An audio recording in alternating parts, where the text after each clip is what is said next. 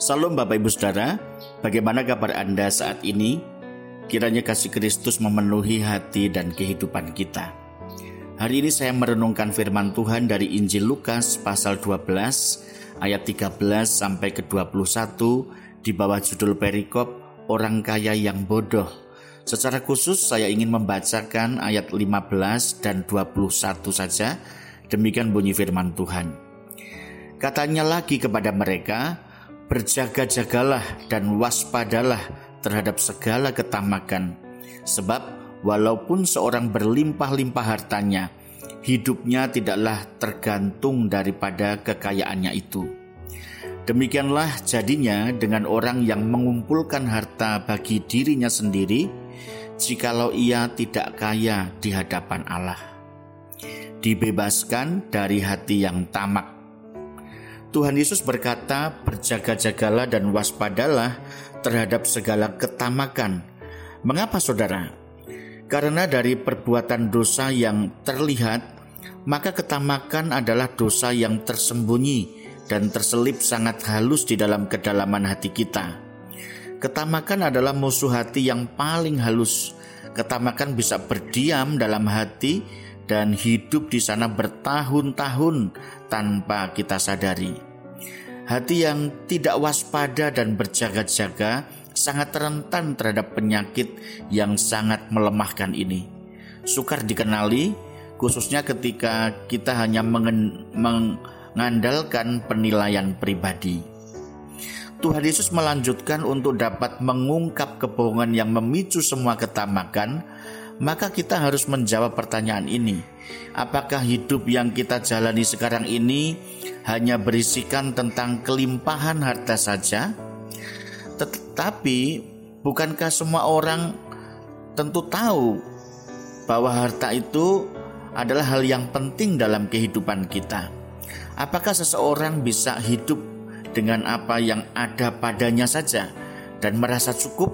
Bukankah kebanyakan orang akan memenuhi kebutuhannya dengan gaya hidup yang lebih? Tidak mungkin orang hanya memiliki satu pakaian yang ia kenakan sepasang saja. Pasti setiap acara akan berganti tema pakaiannya. Bukankah kebanyakan orang merasa cukup jika memiliki lebih dari yang ia butuhkan? Nah, saudara, tentu dalam batasan tertentu Tentu hal itu tidak menjadi soal, tetapi jika kemudian hal tersebut dibiarkan tanpa terkendali kepada keseluruhan lini kehidupannya, maka sedikit demi sedikit akan terjadi pergeseran dan penyimpangan. Lalu hasilnya justru kita akan diperbudak oleh ketamakan dan keserakahan, sehingga sulit untuk bersyukur kepada Tuhan atas berkat yang kita terima yang ada adalah keluhan, lalu tidak pernah merasa cukup. Setelah menceritakan perumpamaan tersebut, Tuhan Yesus memberikan definisi orang yang tamak, yaitu seseorang yang menyimpan banyak benda untuk dirinya sendiri, tetapi tidak kaya di hadapan Allah. Tuhan Yesus mengajarkan untuk menjadi kaya di hadapan Allah, maka seseorang harus menjadi seorang yang murah hatinya terhadap mereka yang membutuhkan. Orang yang tamak adalah orang yang menabung dengan cermat, tetapi memberi dengan sangat sedikit sekali. Pemberian yang murah hati akan melepaskan cengkeraman ketamakan atas hidup Anda.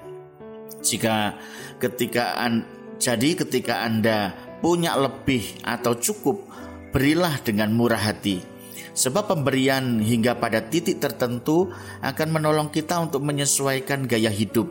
Jika Anda tidak bersedia memberi sampai pada titik di mana hal itu berdampak dalam gaya hidup Anda, maka menurut Tuhan Yesus, Anda adalah seorang yang tamak. Jika Anda menghabiskan milik Anda sampai titik di mana tinggal sedikit tersisa atau tidak ada lagi sisanya untuk diberikan kepada orang lain, sebenarnya Anda adalah seorang yang tamak.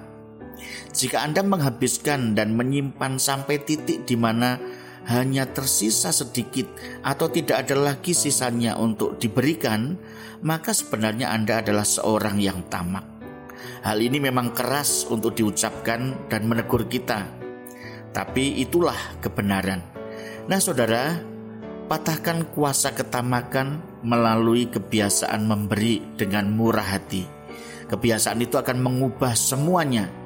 Supaya Anda beri penilaian atas kemurahan hati Anda dalam memberi selama beberapa waktu belakangan ini.